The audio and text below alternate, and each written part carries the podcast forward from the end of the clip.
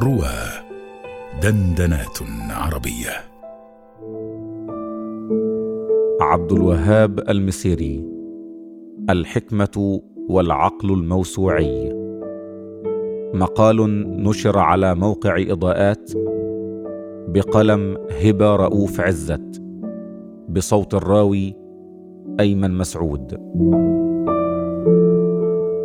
استقال الدكتور عبد الوهاب المسيري في عام 1990 من جامعة عين شمس ليتفرغ لإنهاء موسوعة عن اليهود واليهودية. وربما يمكننا البدء في إلقاء الضوء على أهمية الدكتور عبد الوهاب المسيري كمفكر عربي من هذه اللحظة وصلتها بما قبلها وما بعدها. فهي تدل على أن العلم بالنسبة لعبد الوهاب المسيري ليس وظيفة يتكسب منها. بل هو رسالة يحملها على كاهله وأمانة يؤديها لأمته يدور معها أينما دارت. والجامعة مسار من مسارات أداء هذه المسؤولية. ولذلك كان عبد الوهاب المسيري كما كان جمال حمدان عقلا عربيا موسوعيا يصبو للمعرفة والحكمة والنفع والخدمة لقضايا أمته. والفارق بين العقل المبدع والعقل الوظيفي هو الفارق بين عقل يوظف المؤسسة والأطر العلمية في الوصول إلى الحكمة والمعرفة ولخدمه الإنسانية والدفاع عن حقوق الإنسان وتوفير حياة طيبة لهم فيكون العلم بذلك علما نافعا وبين عقل آخر يختفي فيه المنظور النقدي وتتلاشى أسئلة الوجود والهوية ويصبح فيه العلم حرفة وتحصيله أداة لتحصيل الثروة والإنتاج العلمي وسيلة للترقي في كادر المهنة أو الكادر السياسي. ويزيد الكم دون زيادة كيفية ودون أي أمل في نقلة معرفية حقيقية تصنع مستقبلا أفضل للوطن. البداية الرومانتيكية الإنسانية. يمكن اجمالا وصف عبد الوهاب المسيري بأنه مفكر موسوعي لكن الوصف الأدق هو أنه مفكر عربي رومانتيكي. والرومانتيكية هنا ليست طوباوية مفارقة للواقع بل هي رؤية تحتفي بقدرة الإنسان على تجاوز الواقع إذ يتميز الفكر الإنساني بالقدرة على التوليد والتحليل والاستشراف. فلا يكون أسير مادية طبيعية ولا معلوماتية صلبة.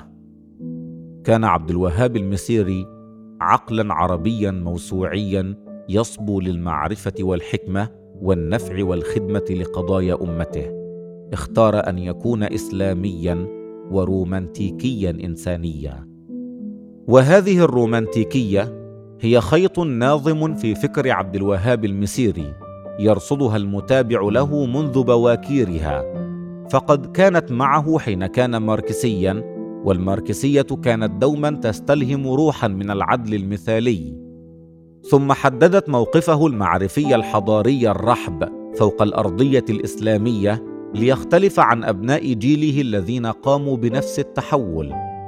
لكنهم وقفوا في مربع الإسلام السياسي أو كانوا أقرب إليه في حين اختار هو أن يكون اسلاميا ورومانتيكيا انسانيا الرومانتيكية المسيريه هي التي دفعته منذ البداية إلى معاداة منطق الاستيطان ليس فقط الاستيطان الصهيوني بل الاستيطان الرأسمالي في جنوب إفريقيا أيام الأبارتهيد والاستيطان الأمريكي لمناهج المعرفة وأجندة العقل والثقافة. رومانتيكيته هي التي دفعته للوقوف متأملا في الخطاب الصهيوني ليرى فيه شيئا آخر وراء الصهيونية. يراه جزءا من الرأسمالية الإمبريالية وأيضا لصيقا بمشروع الحداثة وليس التنوير فلسفيا. ويربط المسيري بين دوائر فكره المختلفة ربطا مركبا عبر نماذج تحليلية. فلا يرى القارئ في الحقيقة غرابة في أن يكتب المسيري في اليهودية والصهيونية وفي الشعر وفي رؤى الحداثة وفي العلمانية كنموذج معرفي وفي التحيز الأكاديمي العلمي الغربي وضد نهاية التاريخ وفي الخطاب الإسلامي الجديد وأخيرا يكتب كتبا متميزة للأطفال تنال جوائز قومية. الأدب مفتاح البداية. عبد الوهاب المسيري في الأصل أستاذ أدب إنجليزي. كان وما يزال. لم يتوقف رغم انشغاله بالموسوعات والكتابة في شتى الموضوعات. منذ البداية يتضح منحى رومانتيكية عبد الوهاب المسيري في اختياره لدراسة الماجستير والدكتوراه فهو متخصص في الأدب الرومانتيكي. يذهب في دراساته لبحث كيف تتجلى من خلال كل قصيدة لحظة تاريخية محددة عبر المعنى وآفاق دلالاته. وحين يدرس القصائد الرومانتيكية الواحدة تلو الأخرى فإن هذا يؤدي إلى الإحساس بالتتالي التاريخي ومن ثم يحاول أن يحل المشكلة المنهجية الكبرى وهي كيفية الانتقال من النموذج الجمالي الذي يؤكد استقلال القصيدة إلى النموذج التاريخي الذي يؤكد كونها جزءا لا يتجزأ من عملية التتالي التاريخي. درس قصائد كولريدج وفسرها مخالفا لتفسيرات النقاد الآخرين ومنطلقاتهم الفلسفية. ودرس ووردزوورث الشاعر البارز باحثا الدلالة الميتافيزيقية لما كتب بعد نهاية قصائده من إضافات شعرية هي إضافات متأخرة. فيقرأ الشعر الغربي بعيون جديدة ترى عبر أدواتها التحليلية ما لا يراه غيرها. ويجعل هذا خيطا في دراساته المتخصصة عبر السنوات والتي يتابعها أهل النقد والأدب بتقدير وقد لا يطالعها قارئ المسيري المطالع لكتاباته المشهورة عن اليهودية والصهيونية. فيهتم المسيري في دراسات وبحوث عديدة بالأمثال الرومانتيكية منذ لحظة ولادتها حتى لحظة احتضارها وموتها. ويقوده هذا التحليل للغة والمجاز والتجاوز. ومن هنا كان احتفاؤه المبكر بشعر المقاومة الفلسطينية ثم رؤيته للنموذج الانتفاضي باعتباره نموذج مقاومة إنسانية ضد السلاح وقوى البطش باعتبار الفلسطيني إنسانا له ثقافة ولغة وتاريخ وشعر يمكنه وهو يجاهد لاسترجاع حقوقه أن يوظف لغته في التعبير عن معاناته وحبه للحرية لتصبح لغة عالمية نضالية ضد الظلم. عقلية توليدية ومفاهيم مغايرة. يصلح هذا عنوانا للعديد من إسهامات الدكتور عبد الوهاب المسيري الفكرية. فالتجاوز الذي آمن به ورؤيته الإنسانية التي تبناها هي التي نقلته من عقلية النماذج المعلوماتية الرصدية للرؤى المعرفية الكبرى ومن هنا انتقاله من المادية إلى رحابة الإنسانية ووعيه بحركة التاريخ. وبذلك لقد أثمرت رؤيته الإنسانية هذه عدة إسهامات في المجال الفكري. فلسطين النموذج الإنساني. لا تقل كتابات المسيري عن القضية الفلسطينية أهمية عن كتاباته في الصهيونية. ومن أهمها كتاباته عن فلسطين والرؤية التي طورها المسيري في كتابه الانتفاضة دراسة في الإدراك والكرامة. لا تقدم فلسطين كحالة أو قضية وحسب بل كنموذج إنساني فريد للمقاومة له ملامحه وسماته النابعة من العقيدة والخصائص الحضارية فيما سماه بالنموذج الانتفاضي. ولأن الانتفاضة ليست مجرد ثورة ضد الاحتلال فهي لا تموت بل تتجدد. وهكذا نشهد كما توقع المسيري تجدد الانتفاضة. والنموذج الانتفاضي ليس لصيقا بفلسطين وحسب بل هو نموذج إنساني ضد القوة الاستيطانية. يمكن تطويره ليصبح نموذجا انسانيا يتحدى حسابات القوة المادية وعقلية الهزيمة والاستسلام. يخدم المسيري هذا التصور للطبيعة الإنسانية للنضال الفلسطيني بالإسهام في دراسة الشعر الفلسطيني ويترجمه للإنجليزية في إصدارات متتالية يمزج فيها رؤى النقد الأدبي بأفكار النقد الحضاري. ويدرس جماليات المقاومة في المراثي حب فلسطين الصمود والمقاومة الأمل في الانتصار. ويبرز جماليات المقاومة التي تدور حول إشكالية شاعر يبغي تغيير المجتمع وتحطيم الظلم. ولكنه في الوقت ذاته يعبر عن نفسه من خلال شكل جمالي إبداعي متسق مع مكنون ذاته. فيقرأ المسيري ويحلل شعر توفيق زياد ومحمود درويش وسميح القاسم وغيرهم ويرصد هذه الصورة والرؤى التي تعبر عن مقاومة وصمود الإنسان الفلسطيني. ولأن هذه التجارب الإبداعية بالدرجة الأولى تجارب إنسانية تتجاوز الخصوصية الفلسطينية فإن المسيري يحرص على نقلها ويترجمها للإنجليزية كي تصل بلسان آخر إلى بشر آخرين وتصبح تعبيرا انسانيا عن الإنسان الفلسطيني ليتواصل به مع معاناة الشعوب في أي مكان. وهناك له أيضا مختارات في القصص القصيرة الفلسطينية ترجمها الدكتور المسيري مع ابنته الدكتورة نورة المسيري. والقصص التي تضمها المختارات ليست بالضرورة قصص مقاومة فبعضها يتناول إشكاليات إنسانية عامة. يتجاوز اهتمام المسيري دائما السياسة إلى الحضارة ومن العمارة إلى إدراك قواعد العمران ذاته وظل عبر مسيرته قادرا على إقامة جسور إنسانية مع الجميع مخالفين في الرأي في داخل ثقافته ومناقضيه في الرؤية خارجها. وحين تندلع الانتفاضة الفلسطينية يجد المسيري نفسه مستوعبا تماما في أحداثها ومستوعبا تماما لأهمية هذه اللحظة التاريخية في الجهاد الفلسطيني مما يدعوه إلى ترك مشروعه البحثي الأساسي وهو موسوعة اليهود واليهودية والصهيونية ليكتب دراسة فريدة عن الانتفاضة هي في تقديري من أهم كتاباته على الإطلاق. وبدلا من أن يرصد يومياتها بشكل معلوماتي أخرس يستنطق المسيري المعلومات والبيانات والتفاصيل اليومية الصغيرة لتتحدث بلسان إنساني متألق ثم يجرد منها رؤية معرفية تكمن وراء كل تفاصيلها هي رؤية للكون والحياة. الغرب والعالم. لا نهاية للتاريخ. انشغل المسيري في مجال النقد الحضاري بالحضارة الغربية ومقوماتها. ورأى في المدنية الأمريكية تجليا للحضارة الغربية في مراحل الرأسمالية المتأخرة وكتب كتابه الفردوس الأرضي دراسات وانطباعات عن الحضارة الأمريكية عام 1979 ليقدم رؤية تحليلية لعلاقة الغرب بالعالم انطلاقا من فهم الرؤية الحداثية للعالم والاحتمالات المعادية للإنسان الكامنة فيها. والمتجلية في تاريخها وخبرتها ضد الأقليات وتصوراتها للآخر. مبكرا كتب في مراجعة النظرة لأمريكا باعتبارها الفردوس الأرضي وأضاف وطور في كتاب الغرب والعالم.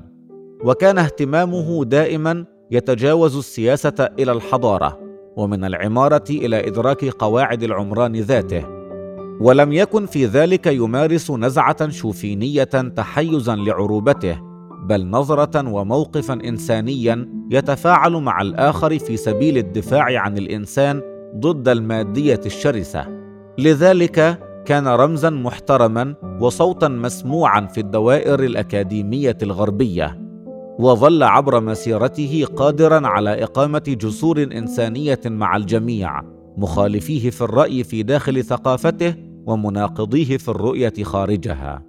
وفي كتاباته ينتقد الدكتور المسيري الرؤية الحداثية للعالم لكنه لا يقف على أرضية من يرفضون الغرب ويريدون العودة في التاريخ للوراء ولم يقبل أن يقف على أرضية تلفيقية محايدة تهاجم الغلو والردة الحضارية وتزعم الاستفادة من مكتسبات الحضارة الغربية دون نقد حكيم. بل هو يقدم عبر نموذجه الواضح لعلاقة الإنسان بالكون ونقده للحلولية والعلمانية المادية بنقد الحداثة تجاوزا لها لا عداء معها أو حرصا على موقف المناقض لها. وبذلك يقدم خطابا تجديديا انسانيا من فوق أرضية الحضارة العربية الإسلامية يمكن بحق وصفه بأنه خطاب إسلامي جديد يرتفع للمقاصد ولا يفرق في تفاصيل الفقه وبذا يكون خطابا انسانيا صالحا للتواصل والتفاعل مع العالم والقوى والتيارات الإنسانية المختلفة المعادية للمادية والمعلوماتية الصلبة. وقد كتب المسيري ضد فكرة نهاية التاريخ التي تجددت مع كتابات فوكوياما ونشر منذ السبعينيات رؤيته لتلك الفكرة باعتبارها ضد الإنسان وربط مبكرا بين هذه الفكرة ورؤى الصهيونية لانطلاقها من رؤية إمبريالية. فكتاب نهاية التاريخ مقدمة لدراسة الفكر الصهيوني صدر للمسيري عام 1972 كدراسة في فلسفة التاريخ الصهيوني. تذهب إلى أن الفلسفات المادية تحاول دائما أن تضع نهاية للتاريخ الزمان والمكان وأن تبدأ من نقطة الصفر وهذا ما يصنعه الصهاينة بالنسبة لكل من الفلسطينيين ويهود العالم. العنصرية والصهيونية. أبرز ذلك كتابات المسيري حول إعادة صياغة المفاهيم في وصف الجماعة اليهودية باعتبارها جماعة ثقافية واحدة وهو ما بينه المسيري أنه أسطورة صهيونية وبذلك قام بتفكيك وإعادة تركيب الفكر والتاريخ اليهودي في عدة كتابات حققت تراكما في هذا المجال وصارت في أبرز الأدبيات العربية في موضوعاتها. وقد ربى هذه الرؤية الكلية بالقضايا السياسية الجارية لفهمها وترشيد إدراكها بشكل يتجاوز المعلوماتية الناقلة الرصدية.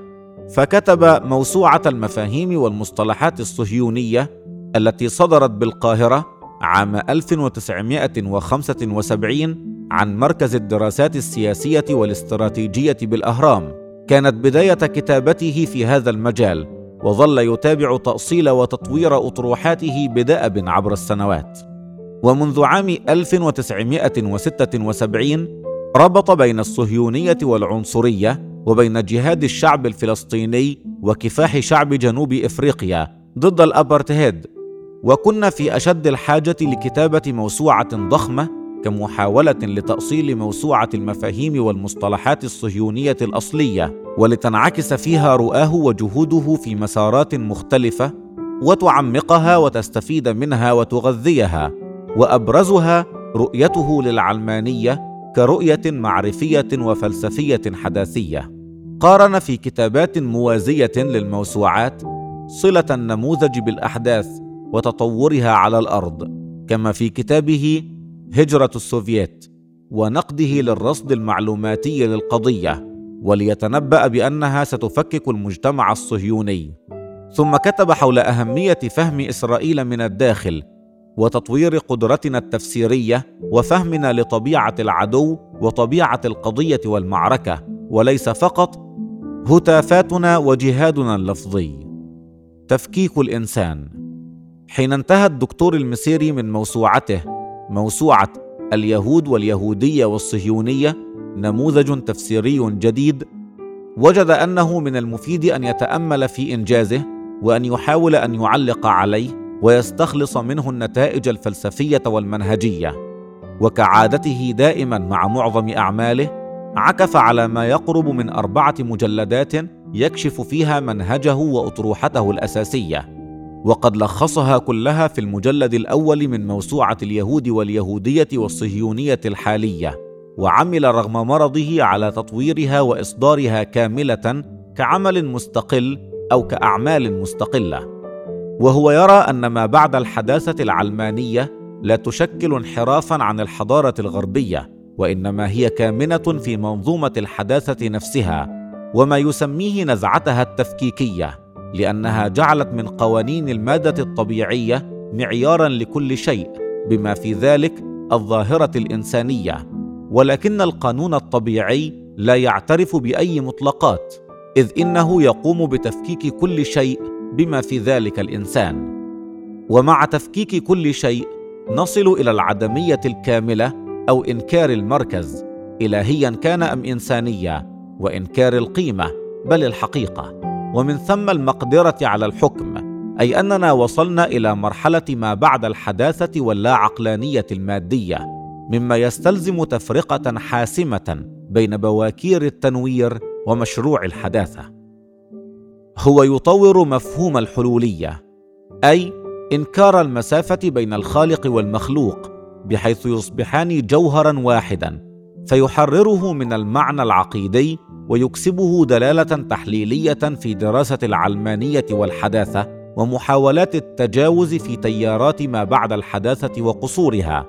ولكونها عجزت عن التحرر من فكرة الإنسان الطبيعي فحين يتم تهميش الدين تسود الحتميات وتصفى الثنائيات وتصبح الظواهر ذات بعد واحد أي تسود الواحدية الروحية والمادية بدلا من الثنائية والجدل والتدافع. وننتهي إلى سيادة القانون الطبيعي المادي على رؤى الإنسان. والفرق بينها وبين العلمانية الجزئية يكمن في أن العلمانية الجزئية تطالب بفصل الدين عن الدولة وحسب.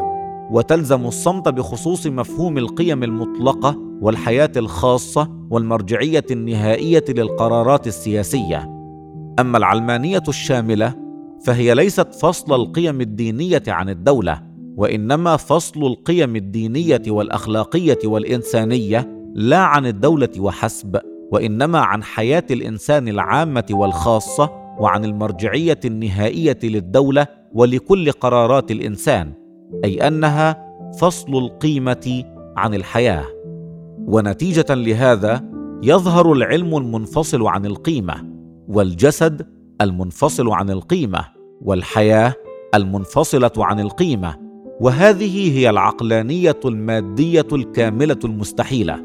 وإذا كان من الممكن تقبل العلمانية الجزئية أي فصل الدين عن السياسة وربما الاقتصاد بالمعنى المباشر والمحدد للكلمة فالعلمانية الشاملة أي فصل الدين عن الحياة وربط الإنسان بقوانين الطبيعة المادية وحسب أمر من العسير تقبله لأنها أيديولوجية كاسحة لا يوجد فيها مجال للإنسان أو للقيم ومن ثم فهي لا تتصالح مع الدين ولا مع الإنسان مسلما كان أم مسيحيا أم يهوديا وتحاول أن تختزل حياة الإنسان للبعد المادي وحسب.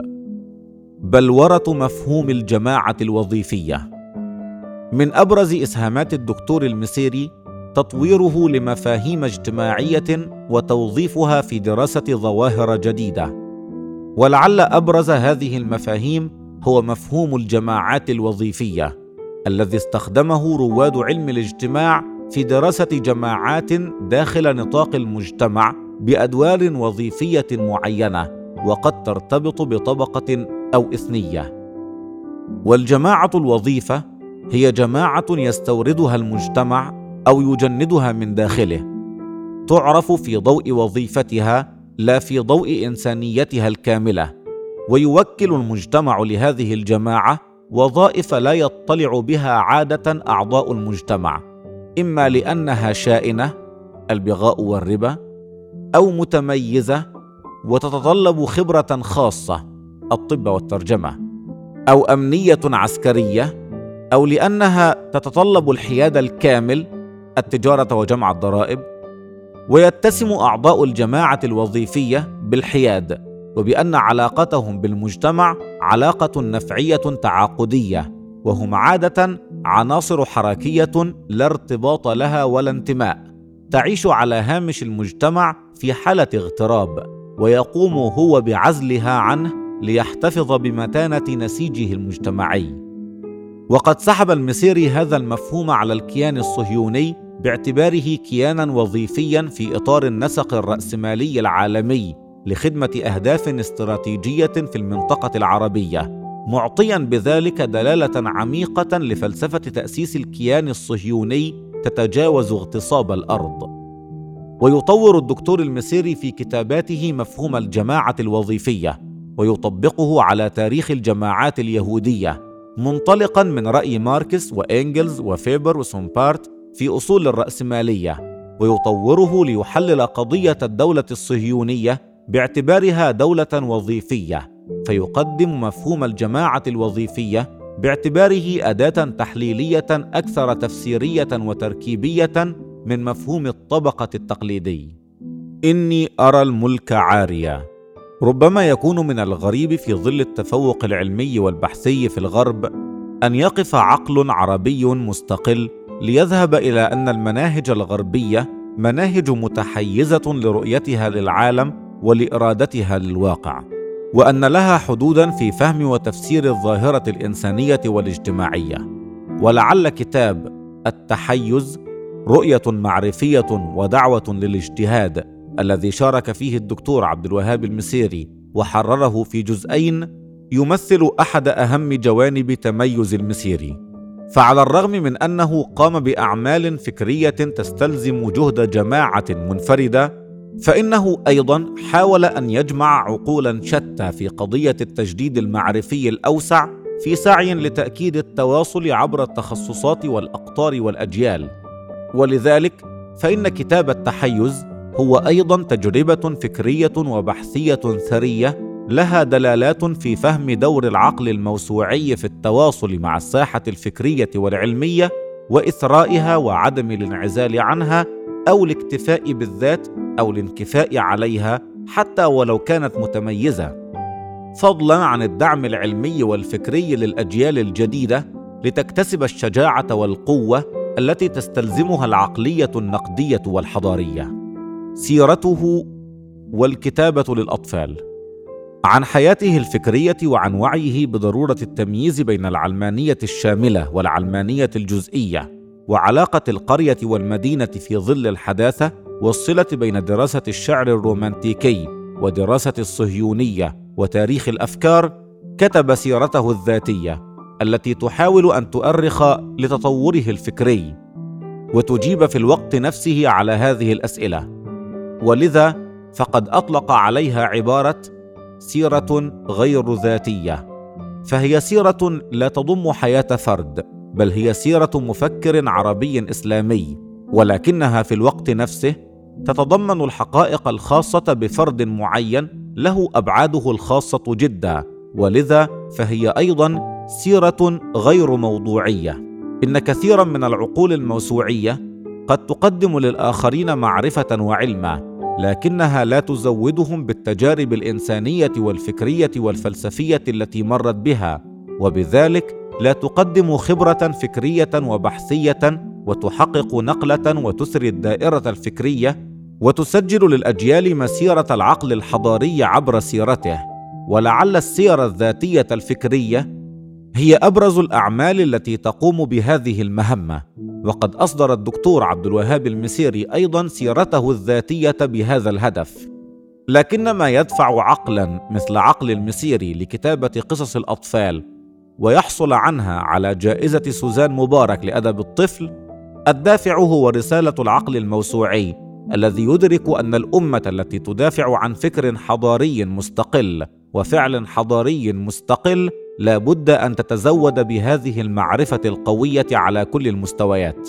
وأن رسالة العقل الموسوعي هي إبراز جوانب تميز حضارته والمساهمة في مواجهة تحديات واقعها. فيكتب قصصا للأطفال يضمنها رؤاه الفلسفية وتبرز فيها قدرة القصص على تغيير رؤى العالم.